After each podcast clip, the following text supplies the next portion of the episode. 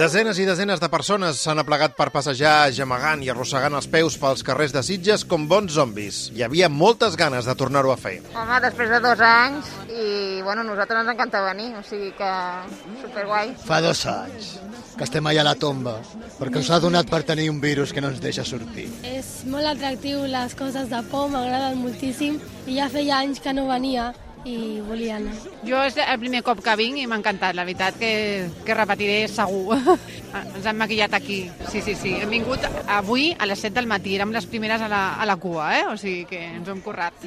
I Michel Hassanavicius ha provocat el deliri amb les seves paraules abans de donar-hi el tret de sortida, paraules que traduïa la seva dona Berenice Bijó, també nominada a l'Oscar per The Artist. Ça fait 10 ans que j'entends parler de Sitges, du festival. Hace 10 años que escucho hablar de este festival en Sitges Et je suis jamais venu, j'étais fou. y nunca vine y soy un poco loco. C'est le meilleur festival de, de toute l'Europe. Es el mejor festival de toda la Europa. En declaracions a Catalunya Informació, Michel Hassanavicius ha dit que l'Oscar no li ha canviat pas la vida. I don't know how my life would have No sé com hauria estat la meva vida sense l'Oscar, però el que sé és que hi ha gent que em respecta una mica més i gent que m'odia una mica més.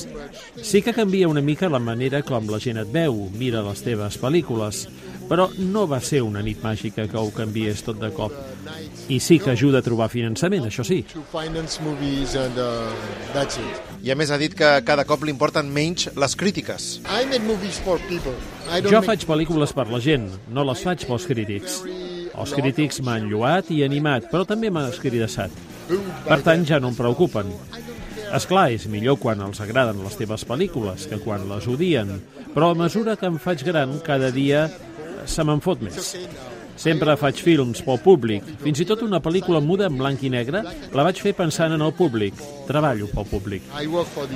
Corten s'estrena el 21 d'octubre.